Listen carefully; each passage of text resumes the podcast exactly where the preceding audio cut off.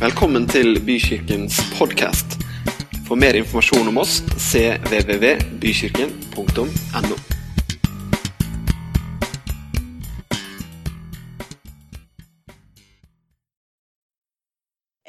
Jeg heter Hege, jeg er gift med Terje. Om akkurat to uker så har vi 29 års bryllupsdag, og da får jeg kjærlighetsbrev. og det får du òg. det er sånn fast. Veldig koselig. Og så har vi to jenter, en på 23 og en på 24 år. Og vi har vært med i Oslo Kristne Senter siden slutten av 80-tallet. Så da vet dere sånn litt, da, i hvert fall. Men mitt ønske Jeg har et skikkelig dypt ønske etter at jeg er ferdig her.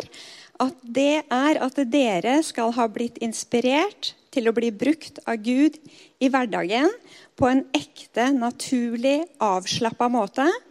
Uten stress og press og tvang, men på en naturlig måte akkurat der dere er. Gud bruker meg der jeg er, Gud bruker dere der dere er. Og det er ingen konkurranse. Vi må stå sammen og heie på hverandre. Og det brenner jeg sånn for, så nå skal jeg bare dele litt fra mitt liv. Og så vet jeg og tror, og vi har bedt om at det skal bli til inspirasjon for dere. Jeg vokste opp i et hjem der Jesus var en naturlig del av hverdagen. Mamma og pappa fortalte meg om Jesus helt siden jeg var liten. Og jeg fikk se hvordan det var å leve med Jesus. Og da jeg var veldig liten, så fikk jeg en sånn eh, brann inni meg etter å fortelle andre om Jesus. Og den har jeg hatt der eh, hele tiden. Den har jeg fortsatt. Eh, mamma og pappa eh, var pinsevenner, så der har jeg vokst opp. Men eh, vennene mine var i en indremisjonsmenighet på et bedehus på Emmaus der jeg vokste opp på Skedsmokorset. Derfor så var hele ungdomstiden min der. Og Grete og Halvard er her i dag, og de var også med i det koret. Det er så koselig. Men det koret betydde veldig mye for meg. fordi vi reiste rundt fra bedehus til bedehus lørdag etter lørdag i mange, mange år og sang. Og vitnet om Jesus. Og det var mange fine sanger som vi sang, men det var én sang som gjorde noe spesielt med meg. Og det var Thomas' sang av Hans Inge Fagervik. Og det handler jo om at graven er tom, at Jesus lever. Han har stått opp. Og han lever, han lever, han lever. Jesus har stått opp igjen. Han er ikke lenger i graven. Nå har jeg møtt Frelseren. Han lever, og jeg skal få lov til å gå med beskjed om at Jesus han lever fremdeles i dag. Det er ingen tvil om det. Og Hver gang vi sang den sangen, så hadde jeg lyst til å hoppe og danse. Og den, det kribler fortsatt når jeg synger den sangen og tenker på den. For det er jo det det handler om. Jesus har stått opp. Det er derfor vi er her. Og han lever, og det er det fantastiske budskapet som vi er så heldige å få lov til å formidle til de vi treffer i hverdagen. Um, I min eldre ungdomstid, hvis det går an å si det, så tok det litt av. Jeg var veldig på. Overalt hvor jeg kom, så tenkte jeg at jeg må jo fortelle om Jesus. Så det var liksom Uansett hvor og uansett hvem, så tenkte jeg de må få høre. De må få høre. Og noen synes kanskje det høres litt fint ut, men det var ikke det. Det blei så slitsomt. Det ble så press og stress og plikt og prestasjon. Og det var veldig dumt. Fordi at jeg hadde jo en oppriktig brann etter å formidle. Men det var så mye rundt det som på en måte dempa litt på den brannen. Og Vi meldte oss på teamtur Terje og jeg, og tenkte det at det må jo være bra. Da kommer vi oss jo ut i verden. Og verden den gang, det var da Danmark. Da var vi på teamtur til Danmark, og det var ikke noe søvn eller lugar på båten, så vi kom frem kalde og trøtte. Og så var det å rigge til gatemøte. Og plutselig så fikk jeg en mikrofon opp i ansiktet. Og da var det forventet at jeg skulle fortelle et eller annet om Jesus. Og det var så ubehagelig, fordi jeg, jeg, hadde jo noe å gi. Jeg kjente jo Jesus, og jeg hadde jo noe jeg kunne fortalt, men det var settingen og hele stilen som gjorde at det føltes så feil. Og Det var mange andre episoder også som jeg ikke trenger å bruke tid på. Men det som jeg prøver å si er at jeg hadde en oppriktig brann, men pga. mye plikt og stress og sånn, så ble den litt borte. Og det var veldig fortvilende for meg, for jeg ville jo fortelle om Jesus. Jeg hadde jo sett Jesus på nært hold siden jeg var liten. Sett hvordan han fungerte i hverdagen hjemme. Når mamma og pappa hadde møtt på vennene sine som hadde problemer, så tok de med, de med hjem til oss.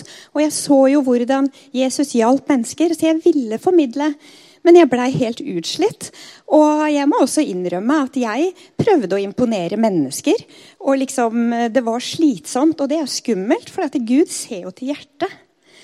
Så til slutt så sa jeg til Jesus at dette her orker ikke jeg. Hva skal jeg gjøre? Og da merker jeg helt konkret at Jesus sier, se mennesker og elsk dem. Og det var eh, alfa og omega for meg. altså. Det var tydelig før og nå, etter at dette her skjedde. Men jeg tenkte se mennesker. Er det ikke det jeg gjør, da? Hadde jeg ikke sett mennesker? Nei, jeg hadde jo ikke det. Jeg hadde bare tenkt å vitne for dem og evangelisere for dem og fortelle dem om Jesus. Jeg hadde på en måte ikke sett dem. Så da begynte jeg å se dem. Og når vi hva skal jeg si, Når vi er ferdig med middagen, jeg går ut med søpla, så ser jeg om jeg ser noen naboer. Jeg, eh, når jeg går fra jobben og ned til parkeringshuset, så driver jeg ikke på mobilen. Da ser jeg om jeg ser noen mennesker. jeg ser mennesker og elsker dem, og så gjør Gud resten. Og det er det jeg ønsker å inspirere dere til. For det at Gud kan bruke alle hvor som helst, når som helst. Det eneste han ber om er, eller trenger, er et villig hjerte. For vi skal jo ikke prestere noen ting. Vi skal jo bare formidle noe som skjedde for 2000 år siden, som er helt fantastisk, som mennesker i dag trenger å høre. Jeg har jobbet som tannlege på Tøyensenteret i 28 år. 1.6 hadde jeg 28-årsjubileum. ja! Og min første pasient 1.6.1994 han har vært hos meg hvert år. vet du, Blomster og kake hvert år. Og han var der nå. Og det er så koselig. Jeg elsker jobben min. Og jeg, jeg føler meg så heldig fordi på Tøyen der er det alt mulig av mennesker, hvis man kan si det sånn. Det er innvandrere, sosialklienter, tidligere rusmisbrukere. Det er um, mennesker fra forskjellige land, kulturer og samfunnslag. Jeg samarbeider med to rehabiliteringssentre for tidligere narkomane og rusmisbrukere. Så mange av de pasientene jeg har, det er blant uh, disse menneskene. Og de får jeg treffe hver dag. Og det, da gjør jeg som Jesus sa. Jeg ser og jeg elsker. Og når de menneskene merker at jeg er oppriktig, og de merker at Guds kjærlighet bor i oss, så åpner det seg. Og jeg får høre så mye vondt. For mennesker har det vondt på mange områder. Det er mye sykdom, det er mye ensomhet. Det er veldig mye vondt hos mennesker. De bærer så tunge byrder og så kjenner vi Han som sier, 'Kom til meg, alle dere som strever'. Så skal jeg gi dere hvile. Og jeg bare tenker at når jeg sitter der da, på jobben og hører mange fæle historier, så tenker jeg Hva skulle vi ha gjort hvis ikke vi hadde kjent Jesus? Hva skulle vi ha sagt da? Tenk for en fattig trøst. Da kunne vi bare sagt at 'Å, så synd. Stakkars deg. Lykke til. Jeg skal tenke på deg.' Men det er jo nettopp her vi er så utrolig heldige. Vi kjenner han som døde for dem. Vi kjenner han som vet hvor mange hår de har på hodet, som bare vil gjøre alt for dem.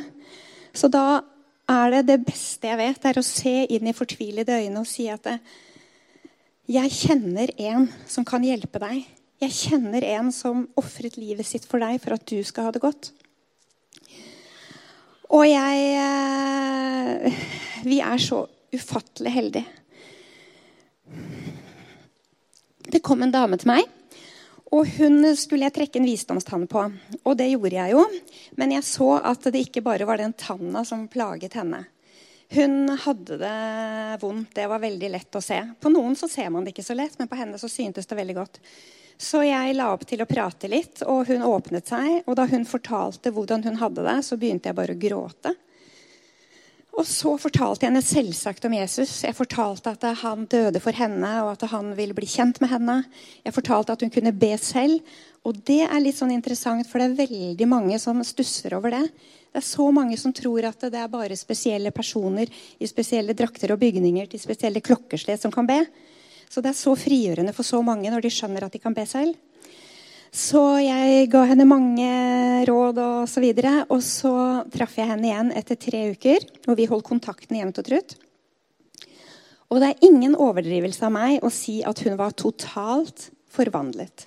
Hun eh, gikk på en annen måte. Hun hadde fått lys i øynene. Hun hadde blitt kvitt mange byrder. Hun hadde vært på loftet, tørket støv av et gammelt Nytestamente som hun fikk av bestemoren sin for lenge siden, og lest og lest og lest. og lest. Hun hadde sovet godt for første gang på mange år. Så det var bare helt fantastisk. Og kort tid etter dette her så skjedde det noe skikkelig kult. Fordi at eh, Da fikk jeg en ny pasient, og det i seg selv er ikke sånn kjempespesielt, for det skjer jo ofte. Men sekretæren pleier vanligvis å ta telefonen. Men akkurat da så tok jeg telefonen. Og jeg skjønte at hun var litt sånn desperat på å få time, så jeg tenkte automatisk at hun hadde tannverk. Så jeg ga henne time fort og tenkte at ja, jeg kan skvise litt her og der, så jeg tar henne innimellom der, liksom. Så kommer hun, og så tenkte jeg at nå skal jeg fjerne smerten hennes. Men så sier hun Det første hun sier, er «Eh, Tennene mine de er perfekte, så de trenger vi ikke å tenke på. Så det er ikke derfor jeg kommer. Og jeg bare tenkte ja vel. det var veldig spesielt, da. Og så sier hun men jeg kjenner hun som var her for kort tid siden og er blitt helt forvandlet. Jeg vet, jeg kjenner henne, jeg vet at hun har vært overalt for å få hjelp. Hun har spart penger i mange år og vært i utlandet for å få hjelp. Hun har prøvd det og det og det og det. og det. Så ramset hun opp en haug med sånne behandlingsting. da. Og ingenting har hjulpet. Så kommer hun hit i Tøyen, så sier du et eller annet, og så får hun det bra. Jeg vil høre akkurat det samme som du fortalte henne. Så setter hun seg ned i tannlegestolen, tar opp sekken, tar opp iPaden, ser på meg og sier, 'Fortell meg akkurat det samme som du fortalte henne.' Og da kunne jeg si, 'Det finnes en som heter Jesus. Han døde for deg. Han vil bli kjent med deg.' For en gavepakke! Og jeg sov nesten ingenting den natta, fordi jeg følte at det var en skikkelig hilsen fra Jesus til meg. Fordi det var akkurat som han sa til meg. Da ser du, Hege. Du trenger ikke å løpe og overfalle mennesker. Du trenger ikke å prøve å slite deg ut i din kraft. De kommer til deg. Jeg skal sørge for det. Det var sånn skikkelig oppmuntring for meg, fordi jeg hadde jo gått i egen kraft. Men det trenger jeg ikke lenger. Nå bare elsker jeg mennesker. Jeg er på jobben min, som jeg elsker overalt på denne jord, omtrent. Ikke ta det personlig, Terje. Men jeg gjør virkelig det, for jeg merker at Gud bruker meg. Og så blir jeg ikke sliten. Jeg blir jo bare oppmuntret og oppkvikket. Jeg blir jo ikke sliten. Jeg bare er hyggelig og ser dem og elsker dem, og så gjør Jesus resten. Det handler jo ikke om oss. Så det der, der syns jeg bare var helt fantastisk. Vi trengte mer bedøvelse på klinikken vår, og jeg hadde av en eller annen grunn fem minutter til overs. og da løper jeg bort for å hente det. Og Da løper jeg gjennom Tøyensenteret, og så står det en dame utenfor Nille. og Da bare smiler jeg til henne, løper videre, fortsetter tilbake på jobben og trekker tenner og koser meg. og så tok det ikke lang tid før sekretæren kommer og sier 'Hege, det er en dame på venterommet. Du må komme. Hun må prate med deg.' Og Så går jeg fra så fort jeg kan, og så går jeg ut på venterommet. og Der står det en dame med tårer i øynene. Så sier hun, 'Jeg kjenner ikke deg, og du kjenner ikke meg.' Men du løp forbi meg på senteret i stad, og du smilte til meg. Og det smilet redda meg. Og jeg ble så rørt. Og så tenkte jeg det at eh, OK, liksom. Men vi fikk ikke tid til å prate så mye da. Men vi møttes senere, og da fortalte hun det at eh, hun hadde fått en forferdelig nyhet eller beskjed på telefonen sin og følte at hele verden bare raste. Og så har hun gått på søndagsskole da hun var liten, så det første hun tenkte, var Kjære Jesus, nå må du bare hjelpe meg. Og så går hun ut for å få litt luft, og da kommer jeg løpende forbi og smiler til henne. Jeg tenkte jo ikke noe over det. Og hun tok det som en hilsen fra Jesus, så hun sto og venta til jeg hadde hentet, vært på apoteket. Hun fulgte etter meg rundt hjørnet, opp trappa, tok tak i sekretæren og sa at jeg må bare snakke med henne. Og dette er en veldig oppegående dame, og hun brydde seg ikke om at det var andre folk på venterommet. Hun bare sier at du kjenner ikke meg, jeg kjenner ikke deg, men du smilte, og det redda meg. Og vi har truffet hverandre mange ganger, og nå har hun på en måte funnet tilbake igjen til barnetroen sin. Da. Så det er jo helt fantastisk. Og det begynte jo bare med et smil. Et smil.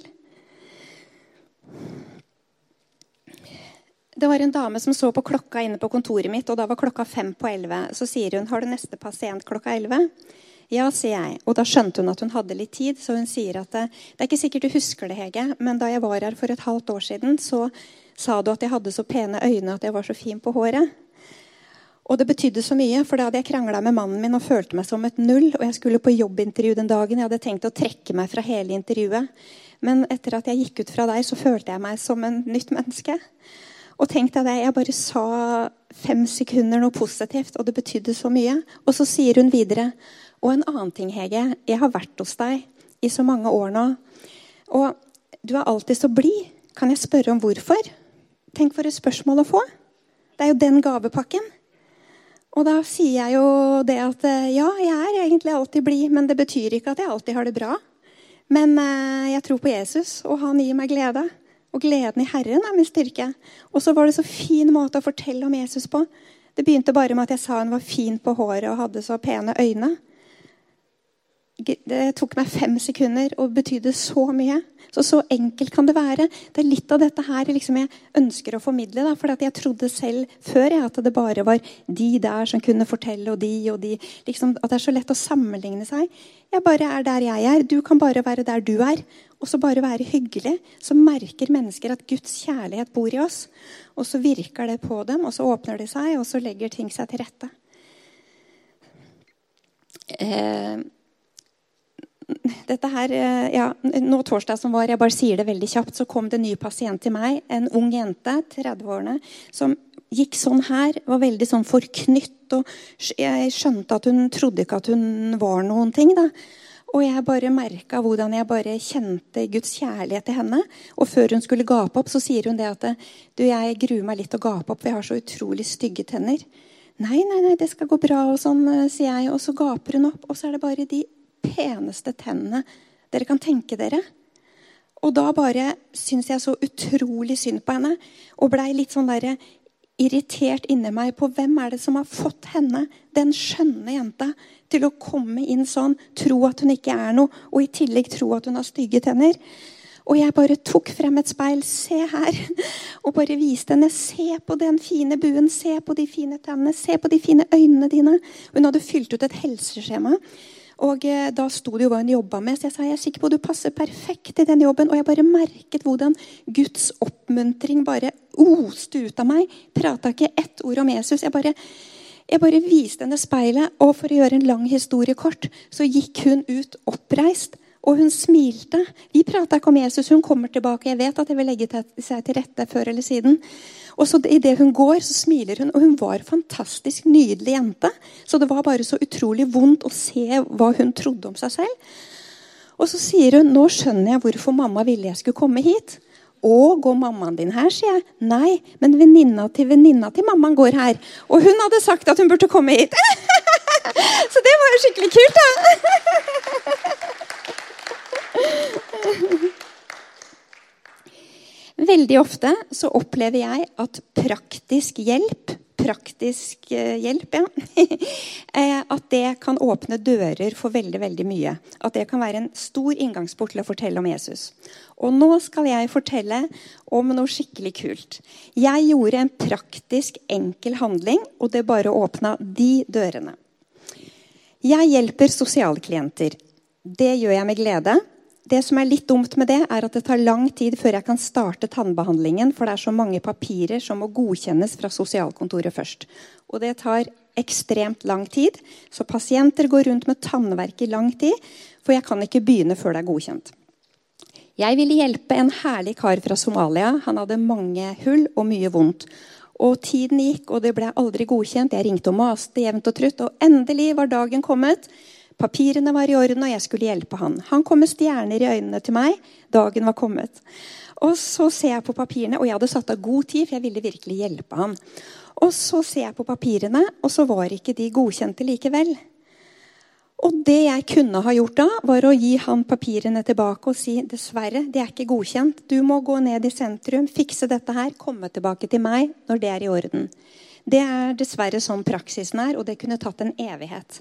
Men da merker jeg på innsida at Jesus sier, 'Du skal hjelpe han'. Så da sier jeg det til han, 'Jeg skal hjelpe deg'. Vi tar med disse papirene, drar ned til sentrum og fikser det. Og han holdt jo på å dette av stolen. Ingen hadde noen gang hjulpet han med dette her. Så vi dro ned, stilte oss bakerst i én av fire lange køer. Og der sto vi. Det tok lang tid. Alle i det lokalet var i samme båt. De hadde tannverk, de var frustrerte, papirene var ikke godkjent, de hadde språkproblemer. De sto der for å stille mange spørsmål. Og jeg hører hvordan saksbehandlerne bakerst der, eller foran der, rettere sagt, eh, eh, behandler disse menneskene. Og jeg fikk liksom vondt inni meg, for det var litt nedlatende. De sa også ting som ikke stemte, for de hadde ikke satt seg inn i regelverket. Så det som skjer med meg når vi står der ganske lenge i kø, er at Gud fyller meg med sin kjærlighet til disse menneskene. Så jeg fikk jo lyst til å gå rundt og klemme, klemme, klemme på alle sammen. Så da begynte jeg med det. Å gå rundt og klemme. Nei da. Det gjorde jeg absolutt ikke. Men det var sånn det føltes. Det var sånn Du fikk skikkelig lyst til å være god mot dem. Og så kommer min, eller vår tur, og da tenker jeg det at da lar jeg pasienten min få prate for seg for å se hvordan dette her går. Og han begynner, og så tar det ikke lang tid før han blir avbrutt. Og han fikk ikke forklart seg. Og da tar jeg ordet. Og det som skjedde da, har jeg tenkt på mange ganger. For det var skikkelig spesielt. Det er to ting som skjer da jeg tok ordet. Og det er for det første at det ble helt stille i hele lokalet. Og for det andre er at det kommer inn en person i lokalet. Jeg så ikke hvem det var. Jeg bare registrerte at det kom en. Og så eh, utøser jeg mitt hjerte på en pen måte. Jeg er godt oppdratt, så jeg gikk ikke over streken. Men jeg sa tydelig ifra i forhold til at det, disse menneskene er kasteballer i et system. De har smerter, de kan ikke språket. Eh, vi må hjelpe dem bedre enn dette her. Og jeg sa på en vennlig måte til de som jobber der, at dere burde sette dere inn i regelverket, heve blikket, være vennlig. Dere har jo egentlig verdens viktigste jobb. Dere har jo mulighet til å påvirke menneskers liv. Og da jeg hadde lettet mitt hjerte, så fikk jeg en sånn applaus som jeg aldri noen gang har fått. De klappa, og de jubla, og de oppførte seg som om de hadde vunnet i Lotto. De eh, pappa, og jeg, tårene mine rant. Jeg snudde meg til dem og kyssa sånn ut i lufta for å vise at jeg var glad i dem. Det var et sånt øyeblikk som skulle vært på film. Det var helt spesielt. Hvis jeg har en dårlig dag, jeg tenker på akkurat det der, og så kommer jeg opp med en gang. Det var helt, helt, helt spesielt. Og så snur jeg meg for å sjekke hvem det var som hadde kommet inn i rommet da jeg begynte å snakke. Og jeg er overbevist om at det ikke var noe tilfeldighet at den personen som kom, var en av sjefene i tannhelseetaten som var ute på en liten tur for å sjekke hvordan sin etat fungerte. Og jeg pleier å si at han fikk en førsteklasses utlevering utlegning om hvordan hans etat absolutt ikke fungerer. Han kjente igjen meg fra kurs, tok meg inn på et rom og var forundra over at jeg i min travle hverdag kunne ta meg tid til å gjøre dette her. Men han godkjente papirene til meg og til mange, mange, mange, mange andre. Og det som var så veldig spesielt, var at i løpet av tre uker så fikk han, og dette er eh, helt spesielt, da fikk han endret på regelverket på to punkter. Så nå får sosialklienter mye raskere og mye bedre hjelp. Og hvis man vet litt om hvordan det tar å endre på vedtekter og paragrafer, og sånn, så tar det veldig lang tid. Men det gjorde så inntrykk på ham at eh, så, så, så han gjorde det, fikk ordna det. Og en annen ting også er det at eh, jeg ble invitert ned dit for å inspirere de som jobber der, nettopp for at eh, de skjønte det at de har jo egentlig en kjempebra jobb som de har mulighet til å påvirke menneskers liv med. og Det, vi har fått så god kontakt, og tro meg, jeg har fått så mange muligheter til å prate om Jesus gjennom dette her. Både med han sjefen, de som jobber der, og ikke minst mange av de som sto i de køene. Så det at jeg gjorde en praktisk, enkel handling, det åpna så mange dører. Jeg tenkte jo ikke på det da jeg ville kjøre han ned og hjelpe han med de papirene. Og En stund etter at dette skjedde, så sier sekretæren til meg Hege, du må komme på venterommet, for det er noen som skal snakke med deg. Så går jeg ut der, står det åtte stykker. Så tenker jeg hei, eller jeg sa hei, hvem er dere? Så viser det seg at en av de åtte sto i en av de fire køene den ettermiddagen. Så han kom for å takke. Han hadde tatt med seg familien sin. De ga mat og klær. De gir det de har. For det betydde så mye for dem at noen var villig til å snakke på vegne av dem. Så det syns jeg var så fantastisk.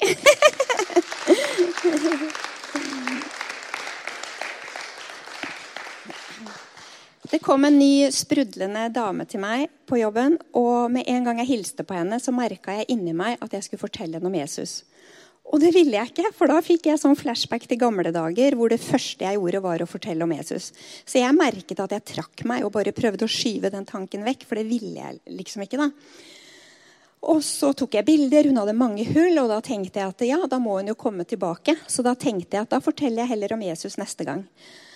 Og så fiksa jeg hull og booka en ny time. Hun betalte. Det eneste som gjensto, var å si ha det. Og da fikk jeg sånn hjerteklapp, akkurat som når du skal opp i muntlig eksamen. Og da tenkte jeg at ja, da får jeg bare si det, da så sier jeg det at eh, ja, det er kjempekoselig å hilse på deg.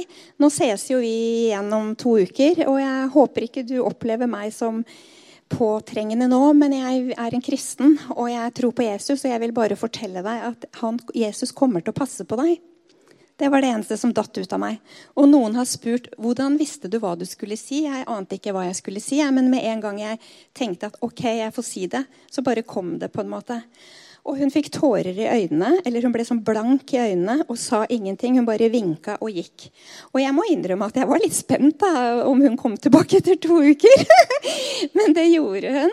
Og ja, da var hun på en måte den samme, men på en annen måte ikke. For hun var gul og blå i ansiktet og gikk litt rart. Så det var veldig naturlig for meg å spørre hva er det som har skjedd. Og da forteller hun at uh, to uker tidligere, samme dag hun var hos meg, så hadde hun kommet hjem til kjæresten sin, som ikke lenger er hennes kjæreste nå, og blitt skikkelig banka opp. Og da fortalte hun at det var én setning som gikk om igjen og om igjen i hennes hode mens slagene skjedde. Og det var 'Jesus kommer til å passe på deg'. Jesus kommer til å passe på deg. Og hun fortalte at det, de slagene at det, det, Jesus kommer til å passe på deg, at det var som et teppe mellom henne og slagene. Og jeg syns det var skikkelig sterkt. Og jeg har hørt andre si det samme, at i kriser og sorg og stressede situasjoner så kommer Guds ord opp. Fordi Guds ord er levende. Og det er virkekraftig. Og det beskytter og oppmuntrer og lindrer og trøster. Så da bestemte jeg meg for aldri mer nøle når jeg merker at Jesus vil jeg skal si noe. Som sagt eh, så har jeg jobbet på Tøyen i 28 år. Og så um, under jobben min så er det en brun kafé som heter Hagestua kafé. Og der er det en gjeng med damer som hver torsdag og fredag samles. De er mellom 70 og 85 år, og det er 8-10 stykker av dem. Og de har sittet der i alle år. De, ikke, de fleste av dem har ikke familie, men de har hverandre. Og når jeg har jobba der så mange år, så går jeg jo forbi hele tiden. Og da begynner det jo med at man titter inn, og så smiler man litt. Og så passa de på røykepause akkurat når jeg slutta, sånn tilfeldigvis hver dag. det var så morsomt. Jeg så at de satt sånn, og nå kommer han, nå kommer han. Og så gikk de ut. så de ville liksom bli kjent, og det var så koselig. Så de siste årene så har jeg slått meg ned sammen med dem en time hver eneste torsdag. Og de har blitt mine nære venner. Og det i seg selv er veldig rørende. De bryr seg mer enn noen andre. De har blitt kjent med Terje, mamma og pappa, jentene våre, vennene våre. De har vært med hjem til oss, juleselskap, bursdager.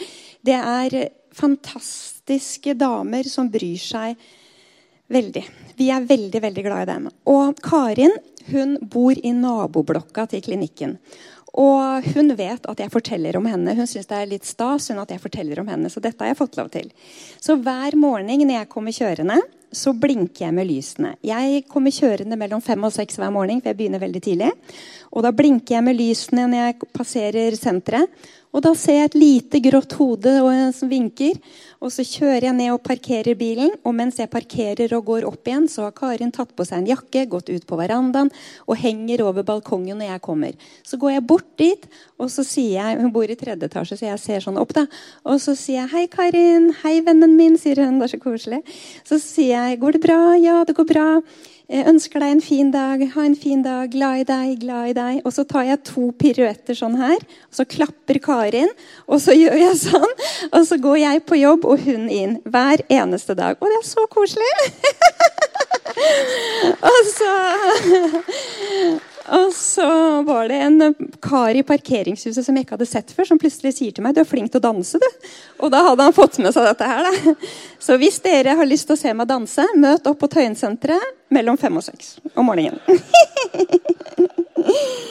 Men det var, Karin fikk lungebetennelse, og så fikk hun først én kur og en kur til. Og det hjalp ikke helt. Det satt skikkelig i. Jeg tenkte ikke noe mer over det, eller så mye over det egentlig. Men plutselig en dag når vi sitter på hagestua, så ser jeg at hun ikke har det bra. Og da bare merker jeg at jeg syns synd på henne. Så sier jeg nei, men Karin, du har ikke blitt frisk ennå. Vil du at jeg skal be for deg, eller? Og så sier hun ja, gjerne. Jeg trodde aldri du skulle spørre. Og det lærte meg så mye.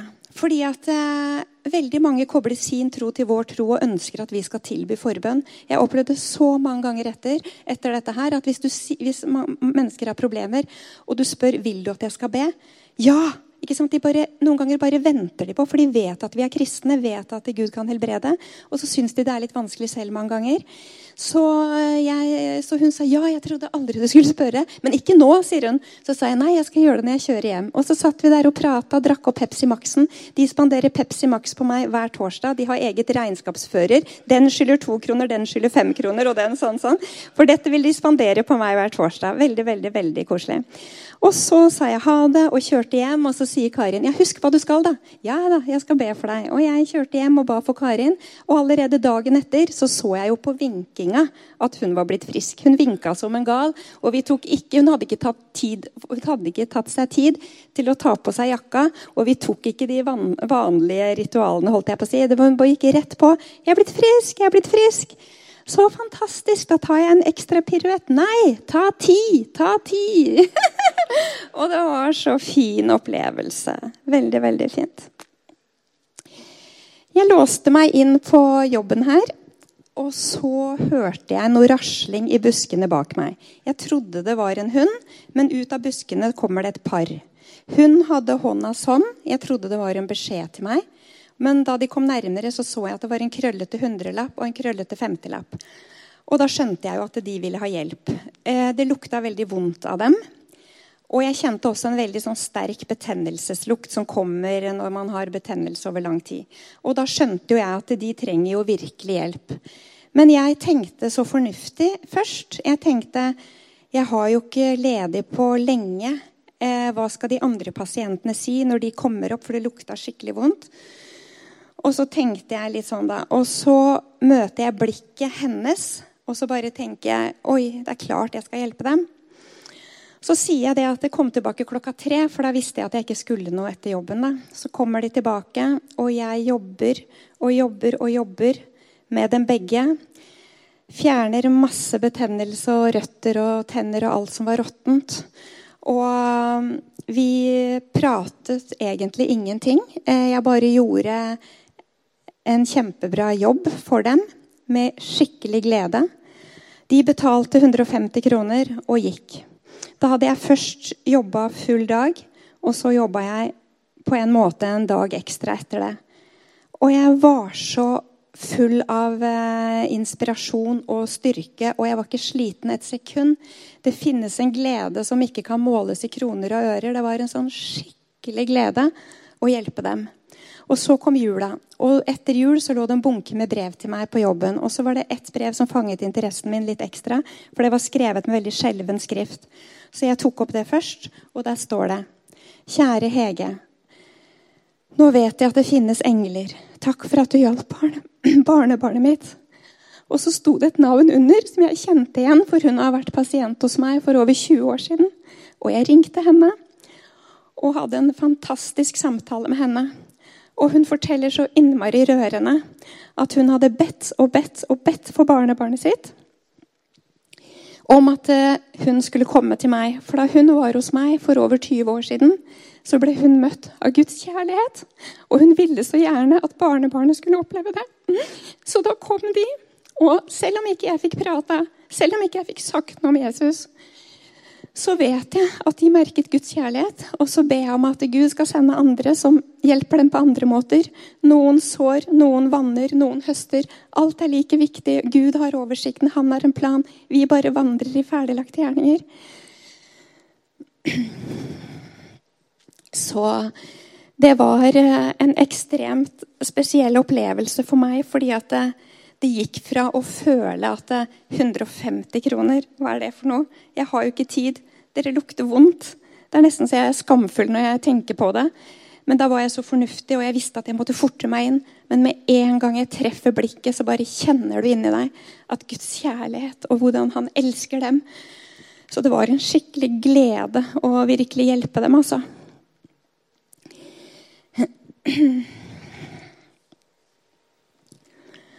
Så de eldre som sitter hjemme og ber, det er fantastisk viktig. Så hun hadde bedt og bedt, og jeg klarte ikke å glemme det på lang stund. Eh, da jeg begynte å studere i, i 1989, så ble jeg fort kjent med en fantastisk jente fra Vestlandet. Hun skjønte fort at jeg var kristen. Hun trengte ikke Jesus, for hun hadde det så bra i livet sitt. Men hver, sa hun, men hver gang hun fikk problemer, så kom hun til meg. Så på studiet eh, så kom hun til meg mange ganger. Og Hege, kan ikke du be for meg? Kan ikke du be for meg? Og jeg ba for henne, og hun fikk hjelp av Jesus så mange ganger i løpet av de fem årene. Flere ganger så kom hun, og hver gang hun hadde problemer og var til og med syk. Og var, hver gang så svarte Jesus på de bønnene. Og jeg syns det var så rart at hun ikke tok imot Jesus. At ikke hun ville bli en kristen. Jesus hjelper deg jo gang etter gang etter gang. Men det trengte hun ikke. Vi treffer hverandre årlig den dag i dag, og hun er så skjønn. Jeg er så glad i henne. Hun har også sagt at det er greit at jeg forteller dette. Men, eh, og opp igjennom har hun også bedt meg å be for henne. Men jeg stussa sånn på at hun ikke tar imot Jesus. da. Og nå For et år siden så ringer hun meg og så sier hun, 'Hege, forstyrrer jeg deg?' 'Nei da, sitt, nå må du sette deg', sier hun. 'Ja, jeg sitter', sier jeg. Og så forteller hun, 'De to siste ukene har jeg ikke klart å sove'. Hver gang jeg har lagt meg, så har det begynt å surre i hodet mitt, det som Jesus gjorde for meg på studiet. Husker du det, Hege? Da jeg kom til deg og du ba for meg, så hjalp Jesus meg. Ja, det er klart jeg husker det. Ja, husker du det? Husker du det? Ja, ja, det er klart jeg husker det. Så forteller hun skikkelig sterkt, egentlig, hvordan hun hver kveld i 14 dager har prøvd å sovne. Så har hun ikke klart å sovne fordi at det, det har summa i, surra i hodet hennes, det som Jesus har gjort for henne. Så sier hun det er akkurat som at Jesus ropte på meg, sa hun. Så her om dagen gikk jeg til presten i kirka her på Vestlandet og sa at nå vil jeg bli en kristen. Så ba de sammen, og hun kom inn i en bibelgruppe. og Dette er ett år siden. og Hun lever med Jesus, har blitt godt kjent med han. Og er med i et, en menighet, eller i kirken der oppe og har det kjempefint. Og det er 32 år siden jeg fortalte henne om Jesus første gang. 32 år siden.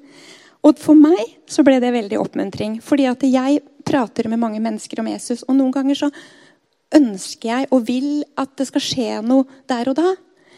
Men eh, Guds ord er levende, det virker, og han har oversikt. 32 år, altså. Jeg syns det var så oppmuntrende. Det finnes perioder Det finnes perioder i livet hvor eh, man ikke har det bra. Og da er det mange som tenker Kan Gud bruke meg da? Og svaret er soleklart ja. Det handler jo ikke om oss.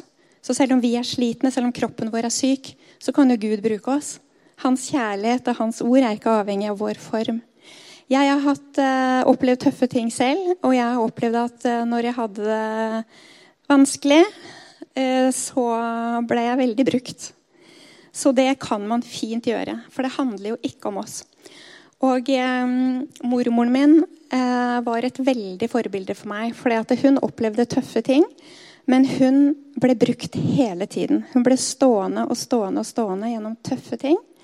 Og eh, det står jo at man skal se på utgangen av livene, og jeg syns det er veldig sterkt når eldre mennesker bevarer troen og fullender løpet, og du ser at Gud har vært trofast år etter år etter år. Og spesielt når jeg vet hva mormoren min har vært igjennom, jeg vet alt det tøffe hun opplevde, så bare vet jeg at eh, hun har vært stående. Og det er så sterkt. Og det betyr veldig mye mer enn mange mange ord. Og hun gikk bort for 14 år siden. og jeg, da jeg var liten, så ble jeg tiltrukket av hennes godhet. Da var jeg ikke så reflektert over hva det kom av. Men da var jeg bare sånn at jeg ville være i hennes nærhet. Men da jeg ble eldre, så tenkte jeg det at jeg må få vite hva er hemmeligheten til dette her. Og Rett før hun døde, så spurte jeg mormor du må fortelle meg hemmeligheten til dette livet ditt. Hva er det for noe? Og Da forteller hun mye, og jeg ante jo ikke hvor viktig det skulle bli for meg. Men jeg skrev og skrev og skrev. og skrev. Men da var det tre konkrete ting som hun var veldig opptatt av, og det var 'vær takknemlig'. Bevar ditt hjerte og jag etter freden. Og det med takknemlighet er koblet så mange Guds løfter opp til det å være takknemlig. Et takknemlig hjerte sover godt. Et takknemlig hjerte i god legedom. Et takknemlig hjerte er velsett av hele folket. Det er så mye, hemmelig, eh, mye bra i det å være takknemlig. Og det å bevare ditt hjerte fremfor alt du bevarer, for livet går ut fra det. Jeg kunne sagt masse om det, og det å jage etter freden. Lev i fred med alle så langt det lar seg gjøre. De tre punktene kombinert med det der å se og elske mennesker har vært til enorm hjelp i mitt liv. Og eh, det er så mange sånne eksempler som kommer opp i hodet mitt i voksen alder når jeg tenker på mormor. Og jeg bare tar kjapt ett eksempel. Da. Vi hadde feira 90-årsdagen hennes, og hun var så fornøyd. Jeg triller henne inn på sykehjemmet, og hun hadde fått taler og masse gode ord. Og så kjører vi henne inn, og så er det noen gamle mennesker som spør har du hatt det fint. Ja, takk. Og så snur mormor seg til meg og bare ber meg trille henne videre inn på rommet. Så spurte jeg ville du ikke fortelle. Og så sier hun til meg når vi var alene, at ja, men de har ingen familie. Så ville ikke fortelle. Og det var liksom bare så klok og vis. Og hun kunne jo godt ha fortalt, tenker jeg, da, men allikevel så tenkte hun på de som ikke hadde familie. da. Og så hadde hun sånn kortisonhud. Du kunne jo knapt nok ta på den huden uten at den gikk i stykker. Og i journalen hennes så sto det med store bokstaver 'Obs, obs, ikke plastre', for den blir jo ødelagt med en gang, den huden. Så var det en eller annen da som hadde teipa og plastra, så det var jo dratt av masse hud på begge armene. Jeg husker jeg kom og besøkte henne, og min første respons er 'Men mormor, hvem er det som har gjort det?' Det var jo litt sånn dumt spørsmål av meg, da, men det bare datt ut av meg. Så ser mormor på meg. Nei, det er ikke så farlig hvem som har gjort det. Det blir nok bra. Og det er liksom bare to eksempler av mange. Så hun er et stort forbilde for meg. altså. Ja. Og hun bare for å si det også, for hun var ikke den som snakka så høyt om Jesus. Men hun viste med livet sitt at han lever og er full av kjærlighet, og at han holder gjennom alle stormer. Um, det var en uh, dame som ringte meg, og så sier hun at Hege, jeg må snakke med deg fordi at jeg, jeg, trenger deg. Du må komme. Det har skjedd noe grusomt. Jeg treffer henne, og hun forteller at mannen hennes i 50-årene har fått beskjed om at han bare har noen uker igjen å leve. Og han har både barn og barnebarn. Hun følte at hele livet var helt ødelagt. Og det som var veldig spesielt, var at han hadde tannlegetime hos meg to uker etter. Og jeg tenkte jo ikke på annet enn han de to ukene. Og jeg eh, var litt usikker på om han helt tatt kom. For det virker jo litt meningsløst å komme og fikse tenner når han har fått beskjed om å dø. Men eh, han kom, og det var en torsdag klokka syv om morgenen. Og jeg hørte skikkelig sånne der tunge, sorgfulle, fortvilede skritt. Og jeg kjempa mot gråten mens jeg drev og behandla han i munnen. For jeg syntes dette her var skikkelig tragisk. Og da jeg var ferdig, å behandle ham, så var jeg så full av så mye. Jeg hadde så lyst til å si så mye, jeg hadde så lyst til å be for ham, jeg hadde så lyst til, å, jeg hadde så, lyst til så masse. Men han var i en egen eh, verden. Han var full av sorg og smerte. Og virka liksom ikke som det mer eller mindre gikk an å prate til ham.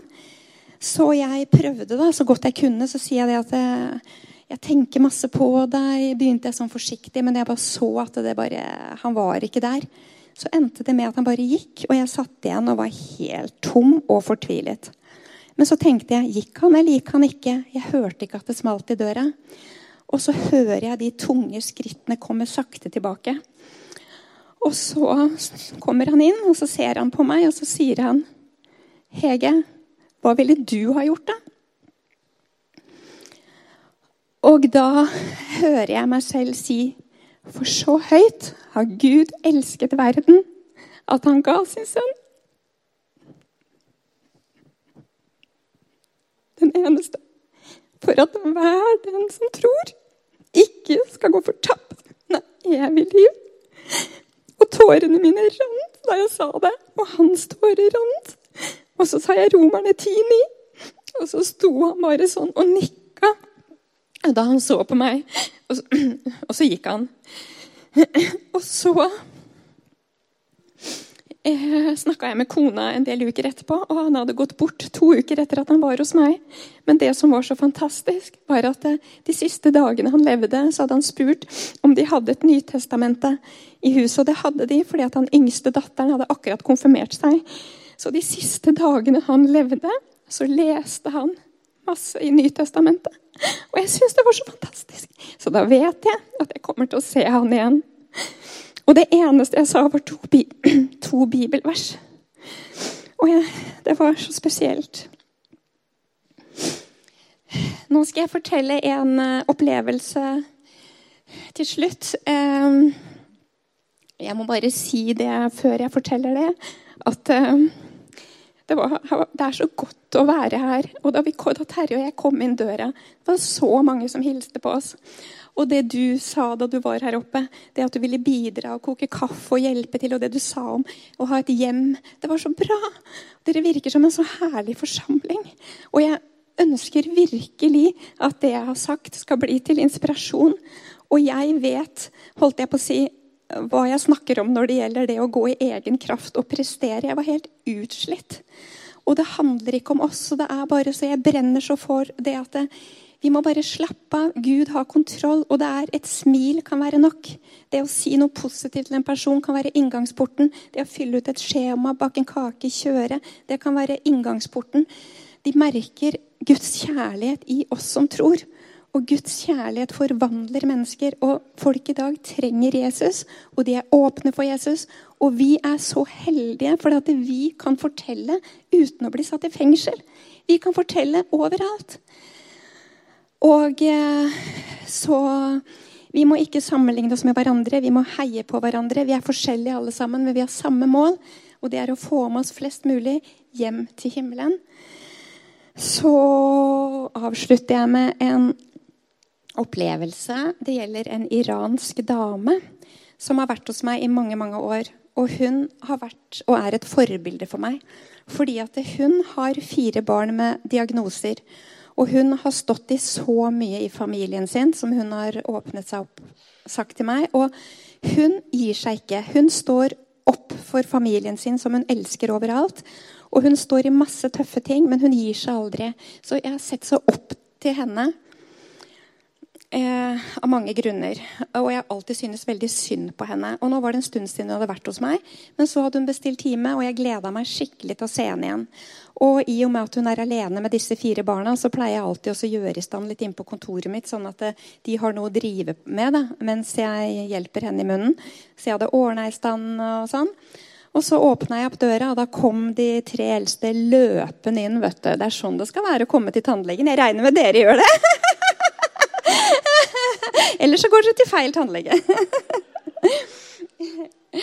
og så kommer de tre barna og begynner å pusle og tegne. og sånn, og Det er så koselig. Men så kom ikke hun. Jeg er vant til at hun er sånn liten, lett iransk dame. Lett på foten og bare løper overalt. Så kom hun ikke, og så måtte jeg bare titte ut. Og da var det et hjerteskjærende syn som møtte meg, fordi hun eh, bar den yngste på armen. Og så dro hun høyre del av kroppen etter seg sånn her. Så hun brukte en evighet på å reise seg opp og komme inn på mitt rom. Og jeg visste jo masse om henne og syntes jo i utgangspunktet veldig synd på henne. Og så ser jeg dette her, at hun ikke kan gå ordentlig engang. Hun drar kroppen etter seg. Og jeg bare Kjære, hva er det som har skjedd? Så forteller hun at i seks måneder, et halvt år, har hun hatt plager på høyre side. Blanding av smerter og lammelser. Vært hos mange leger, de har ikke funnet ut av det. Og fordi de ikke har funnet ut av det, har hun heller ikke fått noe behandling. Så hun har jo da, i tillegg til alt det andre, hatt dette her å dra på. Og så mister, så kommer de til slutt inn på mitt kontor, og så mister den ungen på armen en leke på gulvet. Og helt automatisk så reiser de andre seg opp og tar den leken og gir. Og da tenker jeg at Stakkars barn de har nok med seg og sitt. De har jo utfordringer selv. Og det er ikke første gang de hopper opp og hjelper moren med dette her. Og hele greiene var skikkelig hjerteskjærende. Snakk om å få hjertet sitt knust. Det var akkurat sånn det føltes. Skikkelig knust inni meg. Jeg fikk sånn fysisk vondt. Jeg syntes så ufattelig synd på henne og på alle de barna. Og det var sånn skikkelig vond smerte langt inn i hjertet mitt. Og det jeg gjorde da, det var at jeg ba ikke, og jeg tenkte ikke. Jeg bare gikk rett bort til henne. Og så holdt jeg rundt henne og klemte, klemte henne.